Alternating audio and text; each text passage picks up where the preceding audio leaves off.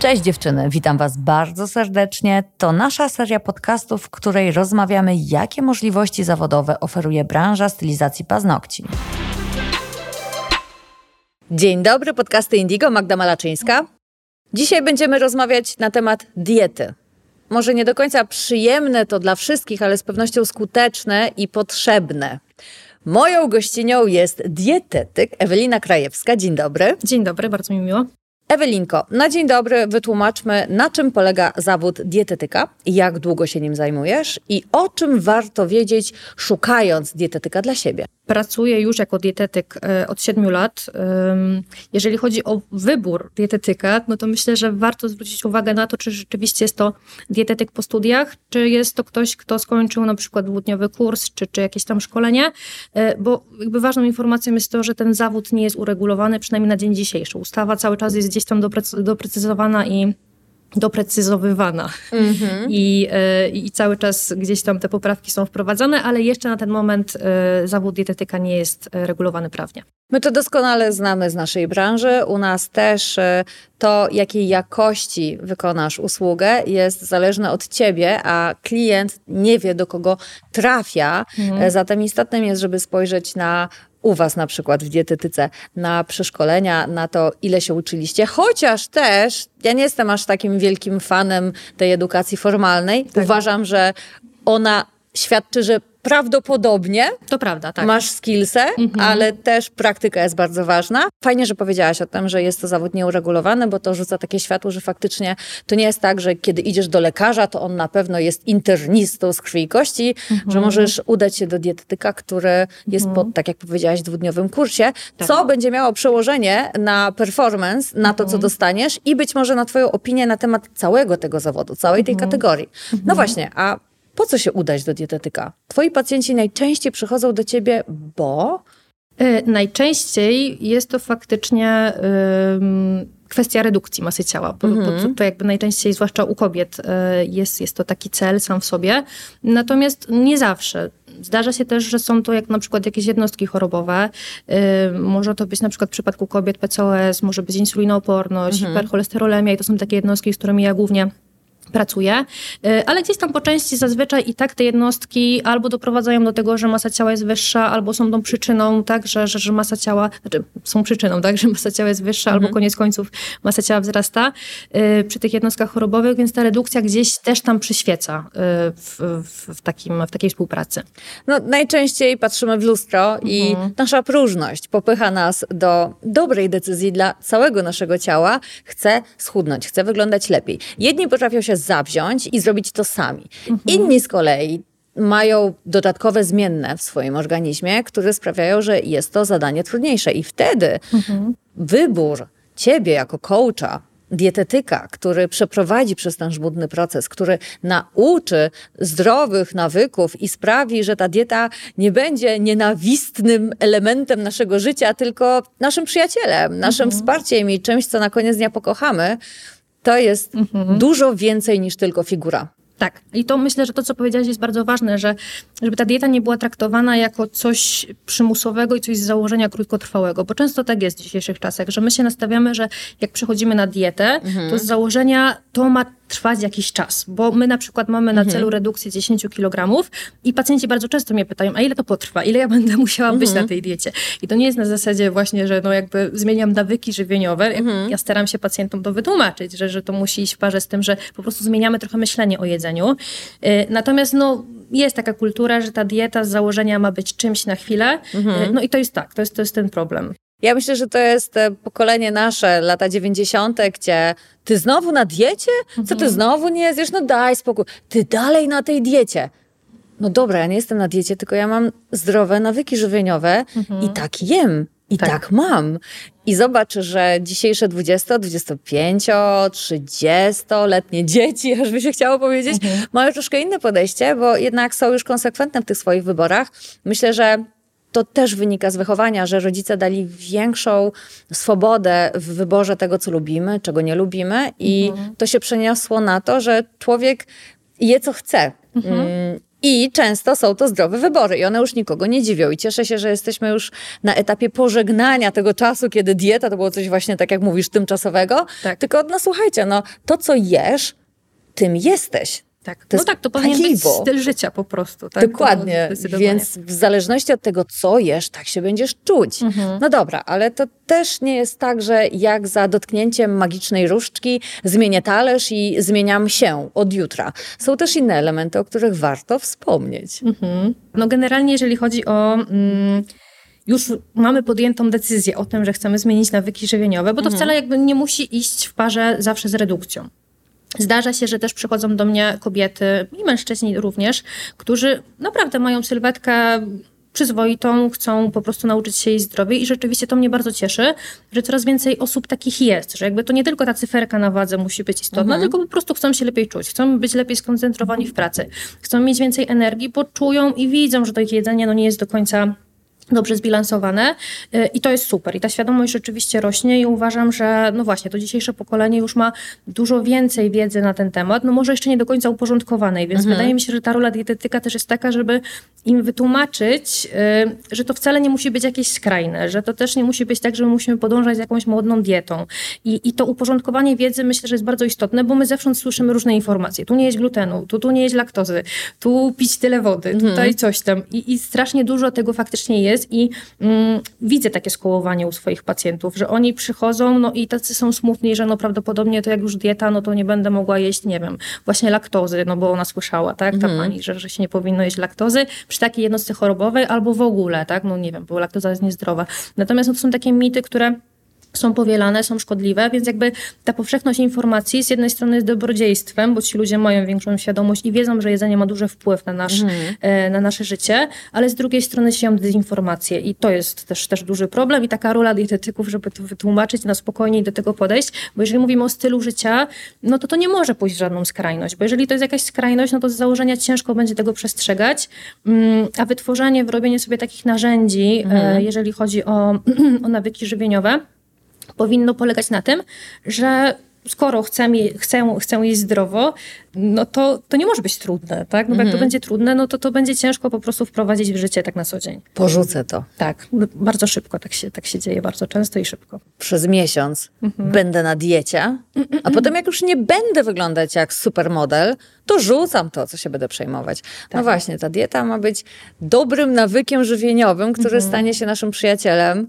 mhm. i dzięki któremu za rok, kiedy spojrzymy w lustro, powiemy, o wow, no i to jest dla mnie taka fajna dieta, której warto się trzymać. Tak, i myślę, że ten wspomniany rok to też tak oczywiście symbolicznie i przykładowo, natomiast warto brać pod uwagę, że to jest proces. Mhm. Że nie ma sensu się skupiać na, nie wiem, na tygodniu bycia na diecie, tak, i obserwowaniu efektów, bo po tygodniu może się naprawdę niewiele zmienić, mhm. a może być tak, że się zdemotywujemy, tak, że wchodzimy na wagę po tygodniu, widzimy, że nic się nie zmieniło, więc dieta nie działa, to ja już nie będę stosować diety, a może być tak po prostu, że jesteśmy w konkretnej fazie cyklu my kobiety, tak, i ta masa ciała się mhm. nie zmieniła. Może być tak, że spożyliśmy więcej soli, trochę więcej wody się zatrzymało, tak, jakieś wahanie hormonalne, cokolwiek, więc ważenie się zbyt często no jest szczerze mówiąc bez sensu. Tak, ja wiem, że to korci, no bo jak mm już jesteśmy na diecie, to i codziennie dziewczyny wchodzą i się ważą. Nawet kilka razy dziennie też miałam pacjentkę, która po każdym posiłku i przed wchodziła i, i sprawdzała, robiła sobie notatki w dzienniczku. Natomiast no, nie ma sensu, no bo są zbyt duże fluktuacje, zbyt duże wahania, mhm. które wynikają od czynników naprawdę od nas niezależnych bardzo często.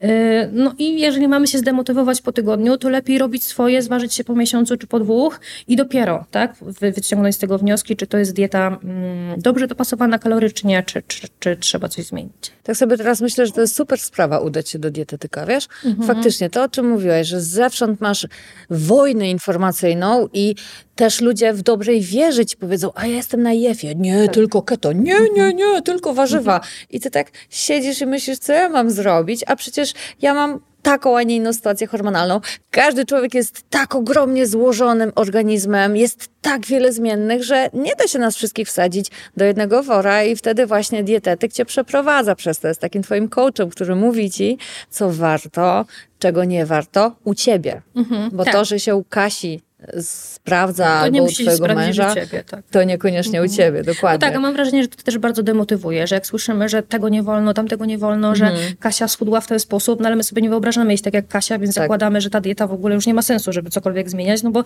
ja nie dam rady tak jak Kasia, tak? No jak tak dopasowanie tego pod siebie mhm. Y, jest możliwe i, i tak by powinno się tak robić, no bo to my żyjemy ze sobą, my mhm. wiemy w jaki sposób możemy jeść, ile mamy y, czasu na przygotowywanie posiłków, jaką mamy pracę, czy mamy przerwy w tej pracy, czy nie mamy, więc no, to musi być dopasowane indywidualnie, no bo inaczej nie ma mhm. sensu y, w ogóle się opierać na jakichś tam, nie wiem, zaleceniach odgórnych, które no, nie są dopasowane. Tak, na Instagramie. Na Instagramie na przykład. A że jesteśmy na podcaście dedykowanym głównie dla stylistek paznokci, to jak już znasz mniej więcej mm, styl życia stylistki, mhm. postaramy się dopasować takie pięć e, dobrych porad mhm. od dietetyka, które warto zastosować w takiej typowej pracy siedzącej. Takie oczywiste, ale nieprzestrzegane to jest nawodnienie, tak? tak w sensie jest. odpowiednia ilość wypijanej wody mm, i o tym faktycznie się trąbi, ludzie to wiedzą i mhm. to, to myślę, że to tak jest tylko, możemy o tym wspomnieć i się nie rozwija się ten temat zbyt mocno, ale ludzie nie piją tej wody, bo, bo ja nawet widzę, tak, czy rozmawiam z pacjentami, czy nawet sama siebie łapię na mhm. tym, że mm, jak mam taki ciężki dzień w pracy, gdzie mam dużo pacjentów, gdzie też dużo mówię, to owszem, Gdzieś tam tego łyka wody, wody wezmę w międzyczasie, ale to nie jest półtora litra bardzo często, czy dwa, no bo nie mam na to czasu, więc posiadanie tej wody w zasięgu wzroku mhm. i, i, mhm. pamiętanie o tym, y, no żeby chociaż co jakiś czas te dwa, trzy łyczki sobie wziąć jest bardzo ważne, no bo to dobre nawodnienie ma ogromny wpływ na nasz metabolizm. To jakby nie bez kozery mówi się o tym, że żeby pić tą wodę, bo woda jest środowiskiem dla wszelakich reakcji metabolicznych, tak, chemicznych, które zachodzą mhm. w naszym organizmie. Jeżeli jesteśmy gorzej nawodnieni, no to ten metabolizm zaczyna się rzeczywiście troszeczkę rozjeżdżać. To jest jedna ważna sprawa, a druga ważna też sprawa jest taka, że mm, my bardzo często nie odróżniamy głodu od pragnienia. I mm-hmm. dzieje się tak nierzadko, że w momencie, kiedy wydaje nam się, że jesteśmy głodni, to już sięgamy po jakąś tam przekąseczkę, która jest pod ręką, a wystarczyłoby bardzo często mhm. napić się wody. I, I, już jest, jest to takie ala niby y, potrzeba, potrzeba głodu zapewniona, w sensie jest, jest to zapotrzebowanie mhm. tak, y, spełnione. Y, I naprawdę warto, warto się, y, warto pójść w tę stronę, żeby tą wodę wypić najpierw. Nawet okej, okay, no wypiję wodę, może być tak, że będę nadal, nadal głodna, tak, ale przynajmniej mam tą, y, mam to porównanie już, tak, czy rzeczywiście to była potrzeba wody, czy to była potrzeba przekąski samej w sobie. Miało być zwięźle o wodzie, ale się nie da zwięźle. Ja mam teraz w głowie tyle pomysłów, co jeszcze można by dodać. Dobra, mhm. hasłowo, żeby mhm. nie zamęczać. Po pierwsze, Atomowe nawyki. Książka, która w świetny sposób pokazuje, że takie zmotywowanie to jest mit. Tak naprawdę chodzi o organizację swojej przestrzeni. Jeżeli chcesz pić wodę, Miej tą wodę zawsze w zasięgu ręki. Przejdź do Lidla, do Biedronki, kup sobie z dwie, trzy zgrzewki wody albo korzystaj z tego dzbaneczka z filtrem. Słowem, ułatwij sobie dostęp, niech ta woda będzie zawsze u ciebie. Albo załóż sobie, że za każdym razem, kiedy przychodzi nowa klientka, ty pijesz jedną szklankę wody. Mhm. I faktem jest, że na początku, szczególnie osoby, które nie piją tej wody za dużo, będą musiały częściej chodzić do łazienki, ale to jest przejściowe. Tak. To mija. Tak, poza tym to też jest ważne, jaką wodę pijemy, bo jeżeli pijemy taką wodę przygotowaną, czy mhm. pijemy faktycznie wodę z filtra, która owszem zatrzymuje te metale ciężkie, ale też no, jakby przecedza tą wodę z minerałów i ta woda jednym słowem jest słabo zmineralizowana albo w ogóle, mhm. no to mhm. ona też szybciej przyleci przez ten układ pokarmowy, mhm. więc lepiej faktycznie, żeby to była woda mineralna, która przy okazji też przemyci trochę wapnia, trochę magnezu, więc nie musimy suplementów na przykład w to miejsce wprowadzać bardzo mhm. często, jeżeli oczywiście dbamy o, o dietę zróżnicowaną, urozmaiconą i tą wodą sobie troszeczkę y, dorzucamy takich bonusowych minerałów. A ten patencik z solą himalajską? Też jest ok, ale to bym powiedziała, że raczej się sprawdza u osób bardziej aktywnych fizycznie, gdzie mhm. to zapotrzebowanie na sód jest wyższe, bo u przeciętnego Polaka jednak tej soli w diecie i tak już jest strasznie dużo, więc no, nie ma co sobie jeszcze dodawać jej e, w postaci wody, gdzie w wodzie takiej mineralnej i tak tego sodu mamy troszeczkę. Możemy inwestować w najdroższe na świecie podkłady i liczyć na to, że będą się pięknie utrzymywać na buzi. Mm. Nie licz na to, jeżeli nie masz nawodnionej skóry. I od razu zobaczysz, że będziesz miała mniej wyprysków, że ta cera będzie bardziej świetlista i krem nagle będzie lepiej nawilżać, a podkład lepiej się trzymać. I to jest taki główny powód, dla którego już po tygodniu chcecie się pić tej wody jeszcze, jeszcze i jeszcze więcej. Tak, to prawda. Kolejny z zdrowych nawyków dla stylistki. Do czego ją będziemy przekonywać? Myślę, że do zwiększenia ilości błonnika w diecie, a to można zrobić w bardzo prosty sposób. Nie mam tutaj na myśli picia mhm. błonnika, mm tak, kupionego jako suplement, y, bo można to zrobić naprawdę w dużo łatwiejszy i, tańszy sposób. Po prostu jeść więcej warzyw, owoców, mm -hmm. bo już abstrahując od tego, co, co wszyscy wiedzą, że te warzywa, owoce mają mnóstwo minerałów, witamin, kwasów organicznych, które wpływają i na cerę, i, i ogólnie na metabolizm. Ja tutaj taką zrobię pauzę. Czy na pewno mm -hmm. wszyscy o tym wiedzą? Bo ani w szkole, ja znowu, taki jestem trochę mamut, nie? 8-5 mhm. rocznik. To mhm. Ja w szkole nie pamiętam, żeby ktoś mi wbijał do głowy, że warzywa są takie bezcenne w diecie, a z kolei, tak jak wcześniej rozmawiałyśmy przed podcastem, u nas w polskiej kuchni warzywka to albo buraczki zasmażane. Albo kapusta. I no nijak się to kojarzy z takim chrupaniem surowych warzyw, to bardziej ten Bliski Wschód, gdzie humus i ta marchewka tak. i seler, mhm. albo też na przykład Armenia, gdzie jesz liście chrzanu albo marchewkę mhm. E, czy pomidory przed każdym posiłkiem. W naszej kulturze, u nas w Polsce, no, nie jada się tak dużo warzyw, a tymczasem mhm. te warzywa mają hiperwielką moc. Tak, to znaczy, no też myślę, myślę, że trzeba zaznaczyć to, że nie każdy może jeść w dużej ilości surowe owoce, no bo zdarza się, że, że ludzie mają jakieś problemy żołądkowo-jelitowe i rzeczywiście nie jest to wskazane, żeby w tak dużej ilości przyjmować ten błonnik i wtedy raczej idziemy w takie warzywa gotowane, czy pieczone, czy duszone, czy w formie zup kremów, czy jakichś koktajli, żeby one były łatwiej strawne. Natomiast też dobrze by było, żeby celem samym w sobie było przyzwyczajenie tego układu pokarmowego jednak do większej ilości warzyw mhm. surowych, owoców surowych, świeżych, dlatego że no, one są największym bogactwem witaminowo-mineralnym. Jednak każda obróbka termiczna, czy to jest zgotowanie, czy pieczenie, czy nawet rozdrabnianie i miksowanie, już będzie lekko te y, witaminy, minerały, ich zawartość się, się po prostu zmniejszała. A w jaki sposób sprawdzić, czy mogę jeść surowe warzywa? Czy będzie mnie boleć brzuch po nich i wtedy mhm. wiem, że te surowe warzywa nie są dla mnie? Czy to oznacza, że żadnych surowych nie mogę? Czy może jednak niektóre tak? Y tak, no takim objawem świadczącym o tym, że nie do końca dobrze trawimy, no są takie objawy, które my znamy, tak? Czyli jakieś, jakaś kolka, jakiś brzuch, brzuch, ból brzucha, wzdęcia, zaparcia, przelewanie w żołądku yy, i to są no takie rzeczy, których nie jesteśmy w stanie nie zauważyć, tak? Mhm. Więc jakby od razu wiemy, że, że prawdopodobnie y, tego błonnika w diecie jest zbyt dużo. To znaczy tutaj też nie demonizujmy błonnika, bo, bo to jakby jest cała masa też rzeczy, które będą powodowały wzdęcia, mhm. które są po prostu niezdrowe. Nadmiar cukru, nadmiar tłuszczu w diecie, więc jakby nie idźmy też znowu w skrajność, tak, że, że błonnik jest zły. Ale często się tak zdarza, że osoby, które przychodzą na zdrowsze odżywianie, no to wiedzą, że warzywa, owoce no to jest taka podstawa diety i jedzą tego faktycznie bardzo dużo mhm. i to jest też taka, mm, no taka duża różnica pomiędzy tym, co jedli wcześniej, a jedzą teraz, więc mogą odczuwać rzeczywiście takie problemy natury y, układu pokarmowego i to może trochę zniechęcać, więc raczej bym y, tutaj szła w tę stronę, żeby powoli zwiększać tą ilość warzyw i owoców.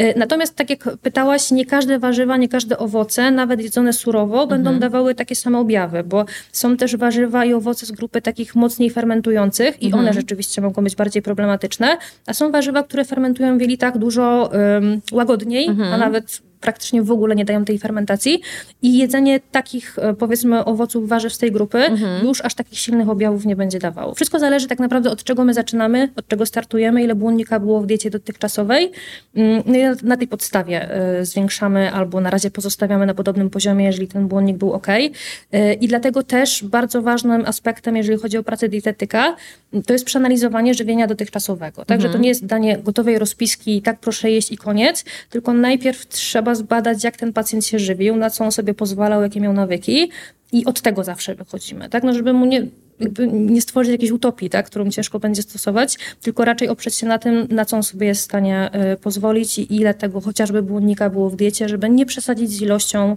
y, w diecie. Czyli im mniej nowej. było w punkcie wyjściowym, tym bardziej duża dawka błonnika może nam zrobić rewolucję, tak? No, bo nasz organizm zgłupieje, bo dostaje coś, co potrzebuje i jest zdrowe dla niego, mhm. ale w za dużej dawce.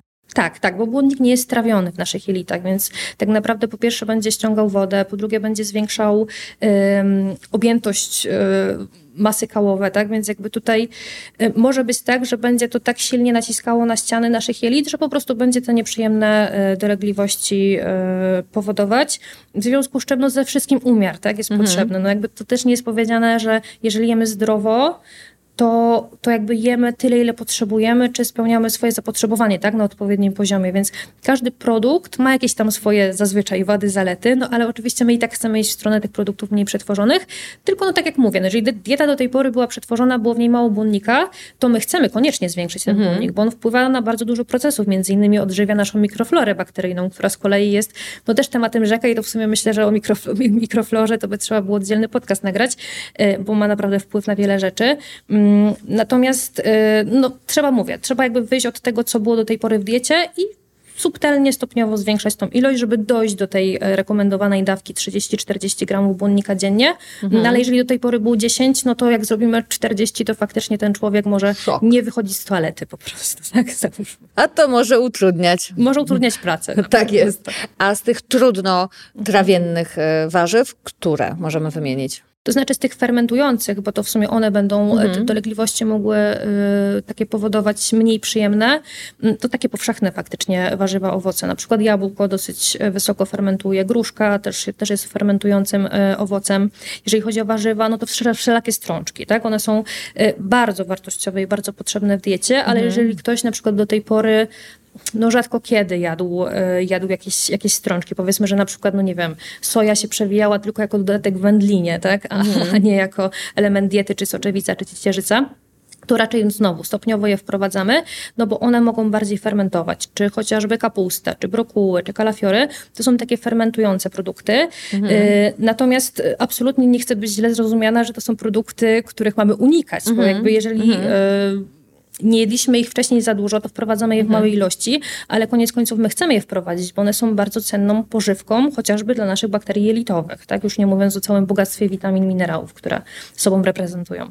Chodzi bardziej o to, że jeżeli dziewczyna czy chłopak usłyszy na naszym podcaście, że warto jest dodać warzywa, mhm. bo to błonnik, mhm. pójdzie do sklepu, kupi kalafior, mhm. zje i będzie boleć brzuch, to żeby mhm. nie wyciągać wniosku pochopnego, mhm. że to jednak te warzywa nie dla mnie, tak. bo to akurat może być to warzywo, nie dla ciebie. Tak. A cała gama naszych pięknych polskich warzyw, które mamy dostępne, mhm. y, będzie ci wspaniale służyć. Tak, poza tym też bym powiedziała, że to może nie jest ten etap na to warzywo, tak? Że te jelita jeszcze nie są przyzwyczajone do takiej mhm. ilości cukrów fermentujących, nie są przyzwyczajone do takiej ilości błonnika i po prostu na tym etapie, tak? To mhm. nie jest tak, że, że kalafior będzie prawdopodobnie zabroniony przez cały czas, bo cały czas się będziemy po nim źle czuć, bo jelita można kondycjonować, tak? Im więcej tego mhm. błonnika będziemy przyjmować, oczywiście no też jakby do pewnego momentu, e, no tym bardziej nam się to trawienie rzeczywiście e, przekształca i, i, i łatwiej trawimy mm, poszczególne elementy. I to jest znowu wniosek, który odsyłam do książki Atomowe Nawyki, bo stamtąd wyciągnęłam. Uwielbiam tą książkę. Uważam, że przydałaby się większości osób, żeby poukładać swoje życie w sposób taki logistyczny, prosty i przyjemny, bez poświęcenia się.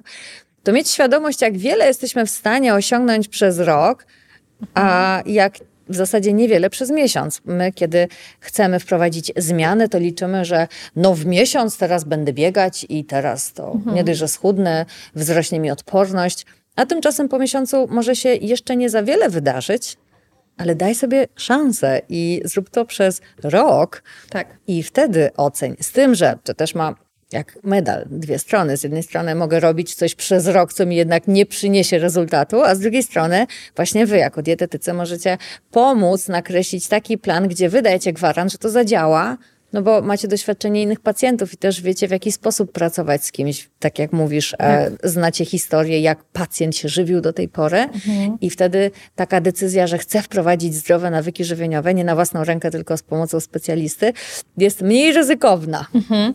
Tak, ale to rzeczywiście no, jakby nie patrzeć wymaga konsekwencji, takiej cierpliwości pacjenta, bo no, my jesteśmy trochę w gorącej wodzie kompanii, my chcemy mieć efekty na już, tak? Mhm. Najlepiej e, właśnie, właśnie na za miesiąc, czy, czy jeszcze na wczoraj, to, to jeszcze by było lepiej. Natomiast e, tak jak ktoś mądry powiedział, że my się mamy zająć procesem, a proces zajmie się efektami. Mm -hmm. Także że skupmy się na tym. Atomowe nawyki, tak, znowu skupmy, historia stamtąd. Skupmy, skupmy się na tym, żeby, e, no, żeby zmienić e, te swoje nawyki na tyle, żeby to było dla nas wygodne do stosowania jako styl życia, bo jeżeli mm -hmm. my się mhm. porwiemy na jakąś dietę, jakąkolwiek, ja już nie chcę tutaj teraz nazwy wymieniać, ale jakąś skrajną, albo taką, która nam nie pasuje po prostu, ani do stylu życia, ani do smaku, ani do niczego tak naprawdę nam nie pasuje, no to my jej nie będziemy stosować. No i teraz i tak wrócimy do punktu wyjścia za chwilę mhm. i tylko i wyłącznie będziemy mieć przeświadczenie, że dieta nie jest dla nas, tak, że jakby zdrowe odżywianie nie jest dla mnie, bo, bo ja się źle czułam tak. na takiej diecie. Mm, więc no tutaj ten zły PR diet bardzo często wynika właśnie z tego, że my się porywamy na jakieś skrajności, Albo na przykład za bardzo y, utniemy sobie kaloryczność, tak? czyli y, po prostu będziemy jej za mało i bardzo często w parze zwiększymy aktywność, no bo jak już postanowimy, że, że ta redukcja ciała ma, y, ma, ma być w naszym przypadku, ma się pojawić, y, no to rzucamy się na jakieś takie rozwiązania typu zmniejszam kaloryczność bardzo mocno, mhm. zwiększam aktywność fizyczną, no bo to samo zdrowie, tylko że w momencie, kiedy my y, zbyt mało jemy, plus jesteśmy mocno aktywni, wydatkujemy tą energię, to nam bardzo mało energii zostaje na podstawowe procesy życiowe, tak? I tutaj mm, jakby ważne jest to, żeby nie popadać w aż taką skrajność, mhm. bo w momencie, kiedy my za bardzo y, się będziemy restrykcyjnie prowadzić, to i odporność za chwilę nam spadnie bardzo mocno y, i kwestie hormonalne mogą nam się zaburzyć, już nie mówiąc o tym, że nie będziemy w stanie się skoncentrować ani funkcjonować tak, w, w takim, na takim wyższym poziomie, na jakim nam zależy. Y, a z drugiej strony, no właśnie jest ta kwestia, że jeżeli popadniemy w taką skrajność i będziemy jeść bardzo mało kilokalorii i będziemy bardzo aktywni i będziemy się męczyć po prostu, no to to nie ma prawa trwać długo. No to będzie może miesiąc, może dwa, jeżeli ktoś jest mocno zmotywowany mhm. i naprawdę bardzo bardzo zdeterminowany, y, ale to nie będzie kwestia nawyków żywieniowych, tak, i takiego stylu życia na dłużej. No bo właśnie znowu, moim zdaniem, wchodzi nam ta semantyka, ta nieszczęsna dieta, mhm. która trwa krótko, przynosi cudowne efekty, a ja się muszę poświęcić, żeby ona te efekty przyniosła. Mhm. I przez te dwa miesiące się poświęcasz, owszem. Mhm. Tak. Tylko marzysz o dniu, kiedy ta dieta się skończy. To też jest częste pytanie w gabinecie dietetyka. Kiedy ta dieta się skończy? Tak? Kiedy będę mógł zjeść, nie wiem, burgera albo, albo kotleta schabowego z ziemniakami? Yy, I to też jest ważny aspekt, że to nie jest tak, że my tego nie możemy jeść. I moim zdaniem, yy, i tak ogólnie z psychologicznego punktu widzenia, mhm. przemycajmy takie rzeczy do diety. No bo skoro my mówimy o stylu życia, o czymś, co ma trwać, no to z założenia to nie jest możliwe, żebyśmy już słodkiego nie zjedli, tak? Czy żebyśmy nie zjedli ulubionego dania w postaci, nie wiem, maminego kotleta, tak? Z mhm. ziemniakami, z tą kapustą zasmażaną, która jakby jest warzywem, tylko że no, ma dodatki, tak? Które nam wzmagają kaloryczność. Więc niech te rzeczy się pojawią w diecie, bo to będzie stanowiło o tym, czy to jest nasz właśnie taki naturalny styl życia, który wynika no po prostu z, z naszych wyborów, czy, czy to jest coś narzuconego, tak? No jeżeli my sobie narzucimy, że no teraz, no nie wiem, dwa miesiące nie jem słodyczy, no okej, okay, no dwa miesiące nie jem słodyczy, no i być może jakieś korzyści będę z tego mieć, tylko że jeżeli ja bardzo lubię te słodycze, no to potem po tych dwóch miesiącach mogę się rzucić na te słodycze po prostu, tak? I koniec mm końców zjeść dużo więcej, niż gdybym to sobie rozdzieliła na te dwa miesiące. Tak a cukier uzależnia ośmiokrotnie bardziej niż te najbardziej znane używki. Mhm. E, zatem na spokojnie. E, znaczy z cukrem też jest tak, że jakby on sam w sobie nie jest jakimś takim wielkim problemem, bo on jest generalnie neutralny. Problem jest z nadwyżką cukru w diecie mhm. i problem jest w połączeniach, w produktach. Z, e, mhm. Bo bardzo często ten cukier występuje albo z tłuszczem, mhm. albo gdzieś tam z solą, tak jak rozmawiałyśmy wcześniej, że ten smak taki słodko-słony. I to bardziej jak uzależnia. Tak nie jest sam cukier w sobie, bo y, no, chyba nikt nie jest uzależniony od cukru na tyle, żeby wyjadać cukier z cukiernicy. My mhm. jesteśmy uzależnieni od cukru w sensie takim cudzysłowie, że, że faktycznie gdzieś tam y, te połączenia tak nam smakują, mhm. czyli właśnie słodycze, jakieś takie smaki słodko-słone. Słony karmel. Słony, tak, słony pączek. karmel, dokładnie. Więc, więc to, to rzeczywiście bym powiedziała, że jest takim uzależniającym smakiem. Sam cukier w sobie, tak jak mówię, nie jest problemem. Problemem jest to, że on jest wszędobylski. Rzeczywiście wszędzie, w każdym produkcie jak poczytamy składy, no może nie w każdym, przesadziłam, ale w produktach, w których my się w ogóle tego nie spodziewamy. W mhm. wędlinach, w mhm. parówkach, w pieczywie. Tam jest cała masa cukru, bo my wiemy, że cukier jest w słodyczach, my wiemy, że cukier jest w mhm. napojach słodkich mm, i to sobie powiedzmy gdzieś tam wliczamy i mamy to w pamięci, ale jeszcze cała masa cukru nam dochodzi z takich e, elementów, o których w ogóle, po których się nie spodziewamy, tak, że on się tam może znajdować. Przechodząc płynnie do biznesu żywieniowego, który też jest pełen absurdów, e, niedomówień, a czasami dezinformacji, bo zarabia się przecież na tym, żebyśmy jedli dużo więcej niż potrzebujemy. Słodzą nam wszystko, dlatego warto jest czytać. Etykiety, tak, to prawda. Bo jak już chcesz zrobić cheata i zjeść podwieczorek, to zrób Natomiast nie jedz na śniadanie w płatkach cukru, mhm. w lunchu też cukier i potem cukier, no bo dziwimy się, bo skąd te kalorie? No, a jeżeli jesteśmy przy niejakościowym jedzeniu, to warto też zaznaczyć, że to nie jest tak, że im więcej zjesz, tym bardziej będziesz nasycony, że czasem wręcz mhm. przeciwnie, możesz zjeść mało, ale rzeczy jakościowe. I, I co na ten temat może nam powiedzieć dietetyk? Ta jakość rzeczywiście ma duży wpływ na sytość. No bo mhm. my możemy manipulować jedzeniem w taki sposób, żeby on nas sycił mniej albo bardziej mhm. po dostarczeniu nawet tej samej ilości kilokalorii w danym posiłku. I to jest bardzo przydatna y, umiejętność, y, jeżeli chodzi o, o, takie układanie posiłków, zwłaszcza na diecie redukcyjnej, gdzie my z założenia mamy jeść troszeczkę mniej niż potrzebujemy, no bo mhm. jakby ten ta zasada musi być zachowana, tak? No jeżeli nie będziemy mieć deficytu kalorycznego, no to nie schudniemy, no więc koniec końców my musimy jeść troszeczkę mniej mhm. niż nasze... Mm, niż nasz organizm tego wymaga, tylko słowo klucz to jest troszeczkę, tak? No nie mhm. przesadzamy z tą, z tą ilością y, uciętych kilokalorii. Y, I teraz, żeby mimo wszystko być najedzonym i nie mieć ochoty na przekąski, no to warto te posiłki w odpowiedni sposób komponować. Y, I tutaj bardzo ważne właśnie te, te warzywa, owoce, o których y, rozmawiałyśmy, bo powiedziałyśmy o tych wartościach witaminowo-mineralnych, mhm. ale też właśnie błonnik, o którym gdzieś tam wspomniałyśmy, mhm. ma taką zaletę, że on wydłuża nasze trawienie. Tak? W sensie to może być y, wada pod tym kątem, że gdzieś tam te zdjęcia na początku no, mogą się pojawić, mhm. jeżeli ktoś wcześniej nie jadł zbyt dużej ilości warzyw, owoców, ale to bardzo mocno procentuje, bo my po takim posiłku, gdzie są warzywa, owoce, po prostu jesteśmy dłużej syci, tak? No bo dłużej te makroskładniki będą się wchłaniały z jelit do krwiobiegu. E, kolejnym składnikiem takim, który nam wydłuża sytość jest e, białko.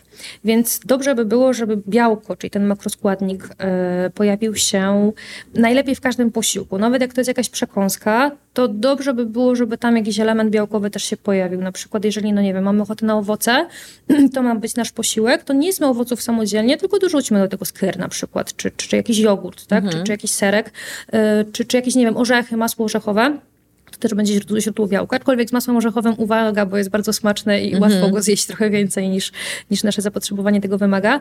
Yy, więc i błonnik, i białko będzie takim elementem, który będzie nam wpływał na sytość i będzie te posiłki po prostu wydłużał ich wchłanianie w czasie, tak? a to będzie, będzie faktycznie y, nas trochę odciągało od przekąsek, a przynajmniej od myśli o przekąskach.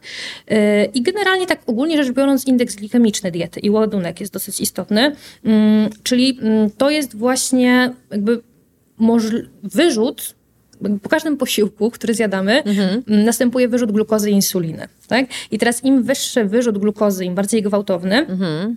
tym, też, też, tym też mamy wyższy wyrzut insuliny, mhm. no i ten poziom glukozy spada. Tak? Więc jeżeli mamy posiłek taki nie do końca zbilansowany, bo jemy na przykład tylko węglowodany na posiłek, no to wyrzut cukru we krwi, czyli glukozy podbije bardzo szybko, bardzo szybko spadnie, tak? to jest ten moment gwałtowny i znowu chce nam się jeść. Tak? Więc normalnie posiłek, powiedzmy, chciałybyśmy, żeby nas sycił na 3-4 godziny, żeby mieć spokój, a po godzinie już jesteśmy głodne, tak? No i jakby po godzinie jesteśmy głodne, więc będziemy jeść po prostu więcej, tak? No bo mhm. więcej nam się w ciągu dnia tej żywności skumuluje.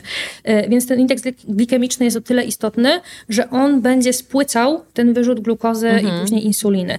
I na ten indeks glikemiczny ma wpływ właśnie dodatek białka i, e, i błonnika do posiłku i też dodatek tłuszczu. Czyli mhm. warto dorzucić jakieś źródło tłuszczu w postaci czy orzechów, czy jakiś pestek, czy jakieś oliwy do sałatki, mhm. po to, żeby, mm, żeby ten proces trawienia troszeczkę wydłużyć, a przy okazji też dostarczyć wartościowe kwasy tłuszczowe.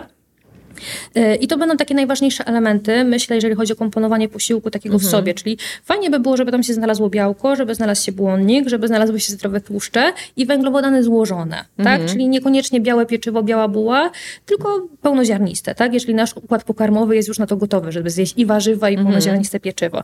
Natomiast to też e, jakby nie jest tak, że ten posiłek musi być w 100% idealny, mhm. bo jeżeli ktoś zje sobie faktycznie białą bułkę, no ale nie mówimy o słodkiej bułce, drożdżówce, tylko białej bułce takiej mhm. wytrawnej i do tego dorzuci warzywa, czyli zadba o błonnik jakby z tej strony, dorzuci jakieś źródło białka, też okej, okay, tak? To nie o to chodzi, że teraz każdy element układanki mhm. musi być y, super odżywczy, bo wystarczy, że 80% diety będzie odżywcza w kontekście dnia, czy na przykład tygodnia całego, mhm. a 20% możemy sobie zostawić na jakieś takie bardziej przyjemne dla serduszka, tak? Rzeczy, takie Cheaty. smaczki, cheaty, tak. Powiedziałaś tak tyle wartościowych rzeczy i chciałabym nawiązać do co najmniej pięciu z nich, ale już wiesz, w międzyczasie tak zwanym zapomniałam, co mi chodziło po głowie.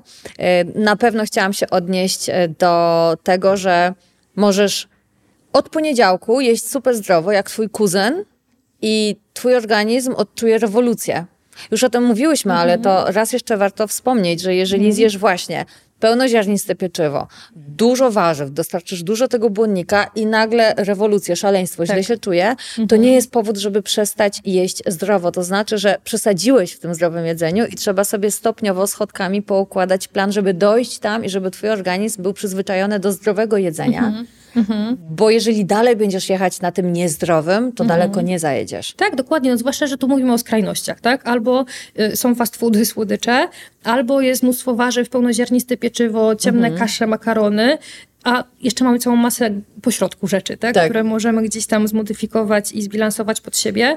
Tak jak mówię, no jeżeli w 80% ta dieta będzie wartościowa, oparta na nisko przetworzonych produktach, no to naprawdę o tej diecie możemy już powiedzieć, że ona jest zdrowa, wartościowa i wcale to nie musi być wszystko na 110%. A jeżeli sobie nie radzisz z zadaniem, to warto jest zainwestować chociażby w kilka wizyt mhm. u dietetyka, który ci wyjaśni, jak to działa po to, żeby móc przejąć odpowiedzialność za mhm. to, w mhm. jaki sposób podchodzę do moich nawyków żywieniowych. No bo tutaj jest kolejny mit, mhm. że geny że mamusia ma brzuszek, tata ma mhm. brzuszek, to ja też mhm. grubo koścista. No nie, mhm. to tak nie działa. Jednak y, rozmawialiśmy o tym przed podcastem. 10% to tak, są to geny. jest około tak? 10%, więc, więc rzeczywiście ta genetyka no nie jest aż tak, y, aż tak tutaj istotna. Y, hormonalna kwestia jest istotna, owszem, mhm. i rzeczywiście chociażby na rozmieszczenie tkanki tłuszczowej wpływa nam ta mm, zawartość poszczególnych hormonów.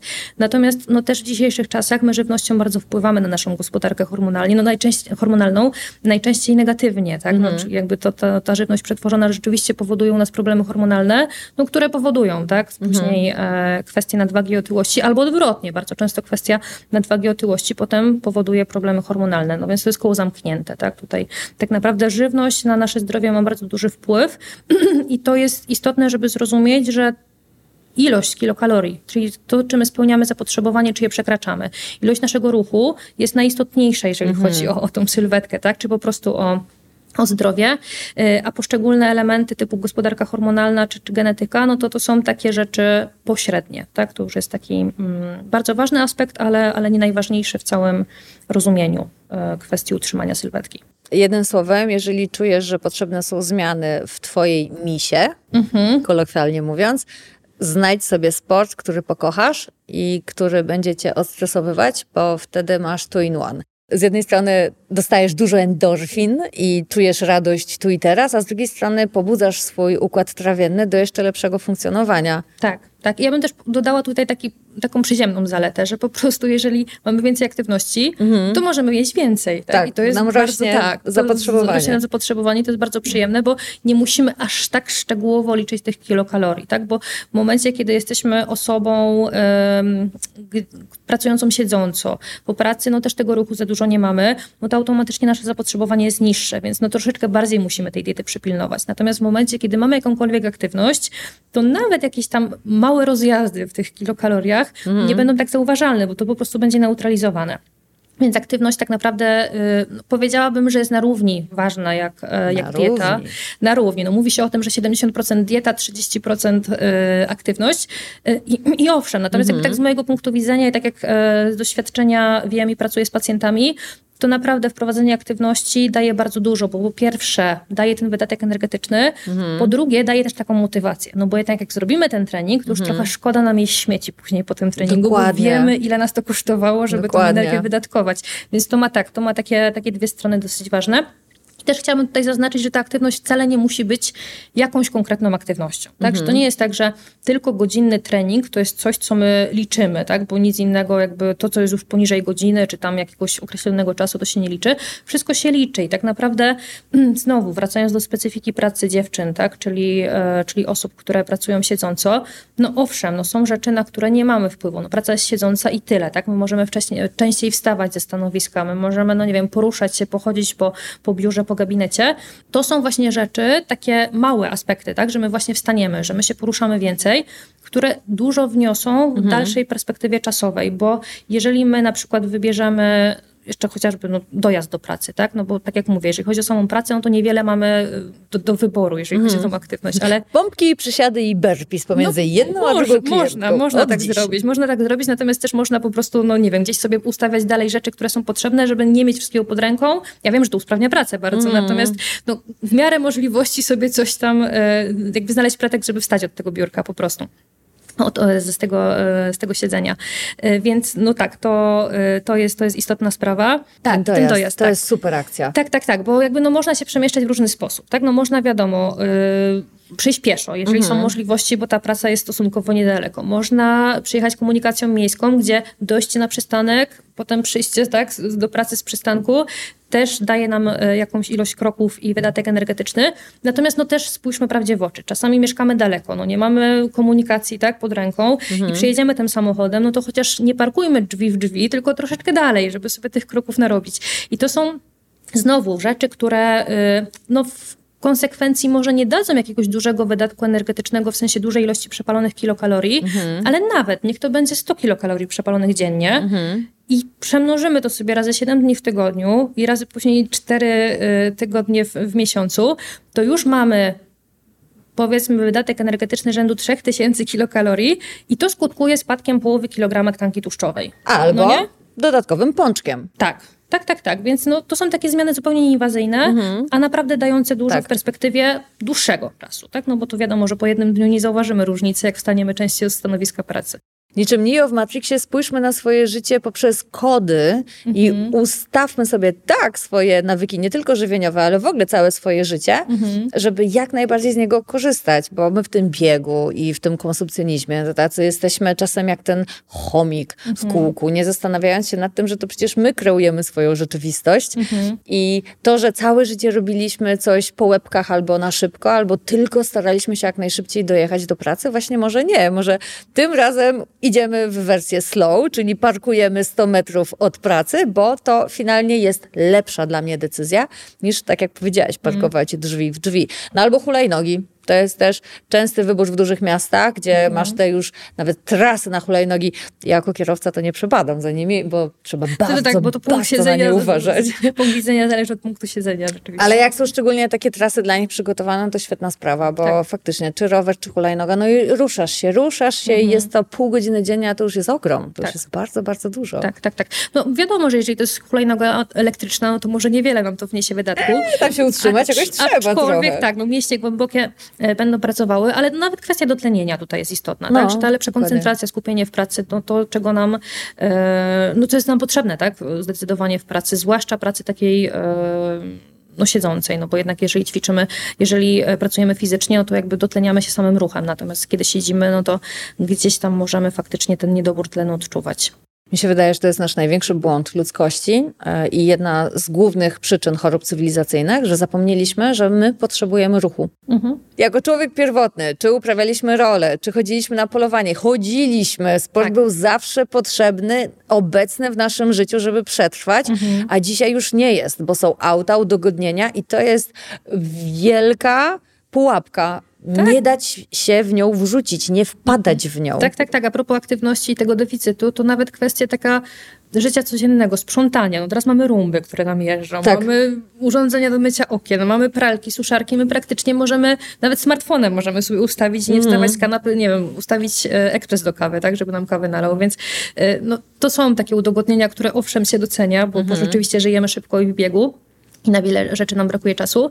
No ale niestety sylwetka zaczyna na tym cierpieć bardzo mocno, co jest szczególnie widoczne u dzieci. Dzieci teraz są, e, no niestety, mają, mają bardzo często nadwagę, otyłość i to już jest bardzo niepokojące, tak? No bo rośnie nam pokolenie, które już na starcie ma problemy metaboliczne mhm. Mm, i to jest takie, myślę, najbardziej... Część społeczeństwa najbardziej do zaopiekowania i wzbudzenia tej świadomości żywieniowej. A dziecko skąd ma się nauczyć? Od rodziców. I nie to, co mu rodzic powie, tylko to, jak rodzic dokładnie je, mhm. co pokaże. Tak. Zatem dla siebie, dla dzieciaków, dla całej rodziny mhm. po prostu zawalczyć o lepszą wersję siebie, zdrowszą wersję mhm. siebie. Już nawet pali licho ta figura i ta SK czy XS. Tu chodzi o to, żeby żyć zdrowo, wstawać w pełni energii tak. i cieszyć się każdym dniem. Tak, no bo sylwetka prędzej czy później przyjdzie, tak? W sensie, jeżeli my zaczniemy jeść zdrowo, to naprawdę masa ciała spadnie, tak? Czy tam sylwetka nam się poprawi, bo to będzie taki przyjemny efekt uboczny mhm. tego wszystkiego, ale faktycznie skupmy się na tym, żeby mieć siłę, mieć energię, żeby funkcjonować na, na wyższych obrotach rzeczywiście, yy, bo to nam gwarantuje, tak? Taką większą sprawność. I ja wiem, że teraz się o tym nie myśli, bo, bo jesteśmy młodymi osobami, dziewczyny mhm. są też młode, ale generalnie warto by było pomyśleć o tym, że jakby Oczywiście, chcemy żyć jak najdłużej, ale chcemy też żyć jakościowo dobrze jak najdłużej, tak? tak? Bo nam nie zależy na tym, żeby żyć 100 lat, ale przez ostatnie 30 leżeć w łóżku, tak. tylko rzeczywiście, żeby funkcjonować. Jeżeli ktoś wchodzi na zdrową ścieżkę żywieniową, to na podstawie błędów, które popełniają twoi pacjenci, o czym mogłabyś nas poinformować, jak przestrzec przed takimi typowymi błędami początkujących osób? To znaczy, ja myślę, że przede wszystkim to jest ten problem, o którym powiedziałyśmy na początku, że jest potężna dezinformacja i ludzie y, no, chcą z założenia przejść na jakąś konkretną dietę. I mhm. okej, okay, jeżeli ta dieta będzie im pasowała w swoich założeniach, będzie dietą odżywczą, mhm. a nie będzie dietą niedoborową, y, to w porządku. Tak jakby my, ja z pacjentami negocjuję, tak? Mhm. że jeżeli pacjent ma pomysł na jakąś dietę, no to rozpatrujemy, czy ona rzeczywiście będzie dla niego ok, ewentualnie ją lekko modyfikujemy. No bo mhm. jakby ważne jest to, żeby zrozumieć, że ta dieta to, to nie jest jakiś sztywny schemat, tak, którego my się musimy stosować i to, że my chcemy przejść na dietę no nie wiem, niżej węglowodanową, mhm. to nie znaczy, że to musi być określona ilość grama, gramowa, tak, tych węglowodanów. W sensie, no oczywiście są pewne diety, które tego wymagają, na przykład dieta ketogeniczna, jeżeli ją stosujemy w jakichś konkretnych przypadkach, bo, bo jest to dieta lecznicza, na przykład y, w kontekście padaczki lekoopornej, to owszem, te parametry są bardzo ważne, ale jeżeli my mówimy o diecie po prostu przeciętnej osoby, która chce poprawić swoją sylwetkę, chce czuć się lepiej, chce ewentualnie zwrócić parę kilogramów, to, to nigdy nie są sztywne zasady. To trzeba dopracować i jeżeli y, nawet ktoś chce ograniczać jakieś makroskładniki, czy nie wiem, chce przejść na post przerywany, gdzie ogranicza czas jedzenia, mhm. okej, okay, jeżeli jemu to pasuje i jeżeli on dostarcza sobie w tej diecie wszystkie składniki, które są mu niezbędne, to niech sobie nazywa tą dietę jak chce, tak? Natomiast błędem i problemem jest to, że, że ludzie, no właśnie, usłyszą, że ta osoba schudła w taki sposób, ja też chcę, tak? mhm. tak? Albo mm, właśnie przechodzę na dietę zbyt niskokaloryczną, bo chcę przyspieszyć efekt. A są rzeczy, których się nie da przeskoczyć. Tkanka tłuszczowa mhm. nie spala się wprost proporcjonalnie do tego tak szybko, jak, jak szybko ograniczymy kaloryczność, tylko mamy pewne swoje zasoby. Jeżeli za bardzo ograniczymy kaloryczność, to zaczniemy tracić masę beztłuszczową ciała, mhm. tak? Czyli zaczniemy się odwadniać, zaczniemy beztłuszczową. tracić beztłuszczową, tak? Zaczniemy tracić masę mięśniową, a tkanka tłuszczowa, no w zasadzie jak była, tak będzie, tak? No mhm. coś tam się pewnie ruszy, ale generalnie to nie będzie sylwetka wcale, o którą nam chodzi. Dlatego też chciałabym się tutaj... Yy, jakby chciałabym nastawić e, pacjentki, klientki na to, że nie tylko cyferka na wadze jest istotna, mhm. bo można zrzucić 10 kg, ale takich słabych jakościowo, tak? Czyli można zrzucić 8 kg z beztłuszczowej masy ciała, mhm. a tylko 2 kg z tłuszczu i ta osoba miała sobie wymarzoną e, taką masę ciała, do której chciała dążyć, ale koniec końców doszła do tej masy ciała i wcale nie wygląda tak, jak chciała wyglądać, no bo właśnie straciła sporo mięśnia i to mhm. ciało wcale nie jest elastyczne i mhm. takie fajne, tak, jak sobie wyobrażaliśmy tylko faktycznie, yy, faktycznie jest, yy, no są elementy tak w tym ciele, które nam się nadal nie podobają. Jakby to jest oddzielna kwestia, bo zazwyczaj tak jest, że jeszcze nam się coś nie podoba, ale faktycznie ta jakość yy, traconych kilogramów też jest bardzo istotna. No i myślę, że tak, że to jest taki najczęstszy błąd, że my chcemy chudnąć w konkretnym czasie, konkretną ilość kilogramów, a to jest organizm ludzki, on jest bardzo skomplikowany. Czasami mhm. to spadnie szybciej, czasami spadnie wolniej i nie ma co się nastawiać i fiksować, że to musi być, nie wiem, w tydzień tyle i tyle kilogramów, tak? Że to musi być od pół kilograma do kilograma spadku masy ciała, bo to przede, przede wszystkim zależy od wyjściowej masy ciała, no i też zależy od no, chociażby, no właśnie, momentu cyklu, tak? W którym jesteśmy, jeżeli mówimy o kobietach. Słuchając Cię, od razu bym się do Ciebie zgłosiła na konsultację. Bardzo mi miło. Powiedz, jak Cię można znaleźć. Y, ja przyjmuję głównie pacjentów stacjonarnie w gabinecie. Pracuję tak jeden do jednego z pacjentami. Y, w Łodzi jestem w gabinecie przy ulicy Tatrzańskiej i przy ulicy Zgierskiej. Natomiast też myślę, że to, co jest wygodne dla osób, które są zapracowane, również są możliwe konsultacje online, czyli mhm. po prostu spotykamy się z kamerką, bez kamerki, no w zależności kto jak woli i wszystkie tematy, które, które są potrzebne poruszamy, tak samo jak na wizycie stacjonarnej, więc mhm. to jest tak samo wartościowe, tylko że po prostu można z domu tak się bezpośrednio skontaktować i nie trzeba jeździć, jeżeli ktoś nie ma ochoty. I też nie trzeba mieszkać w Łodzi, tylko można tak. być w każdym dowolnym miejscu na świecie i się umówić z Eweliną na konsultację online. Można, tak. Jak cię znaleźć? Y jeżeli chodzi o sieć, to funkcjonuje na Instagramie jako zdrowa dieta, zdrowa podkreśnik dieta. Mhm. Na Facebooku y, Ewelina Krajewska, Ewel Diet.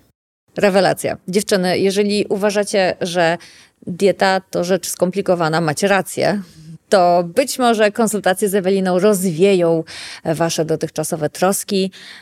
Czemu nie dać sobie pomóc, jeżeli masz specjalistę, który latami przeprowadzał setki już pacjentów przez tą samą ścieżkę, którą ty zamierzasz iść? Bardzo dziękujemy bardzo za dziękuję. udzielenie e, naprawdę bardzo rzeczowego e, wywiadu i dużo się dowiedzieliśmy dzisiaj podczas tego podcastu. Ja sama też się dowiedziałam, zatem bardzo, bardzo dziękuję w swoim imieniu i też dziewczyn, które nas słuchają. No i co, życzę Ci bardzo wielu zadowolonych pacjentek, może z naszej branży. Dziękuję, dziękuję bardzo za zaproszenie i również życzę wszystkiego dobrego. Dzięki wielkie, do usłyszenia. Cześć!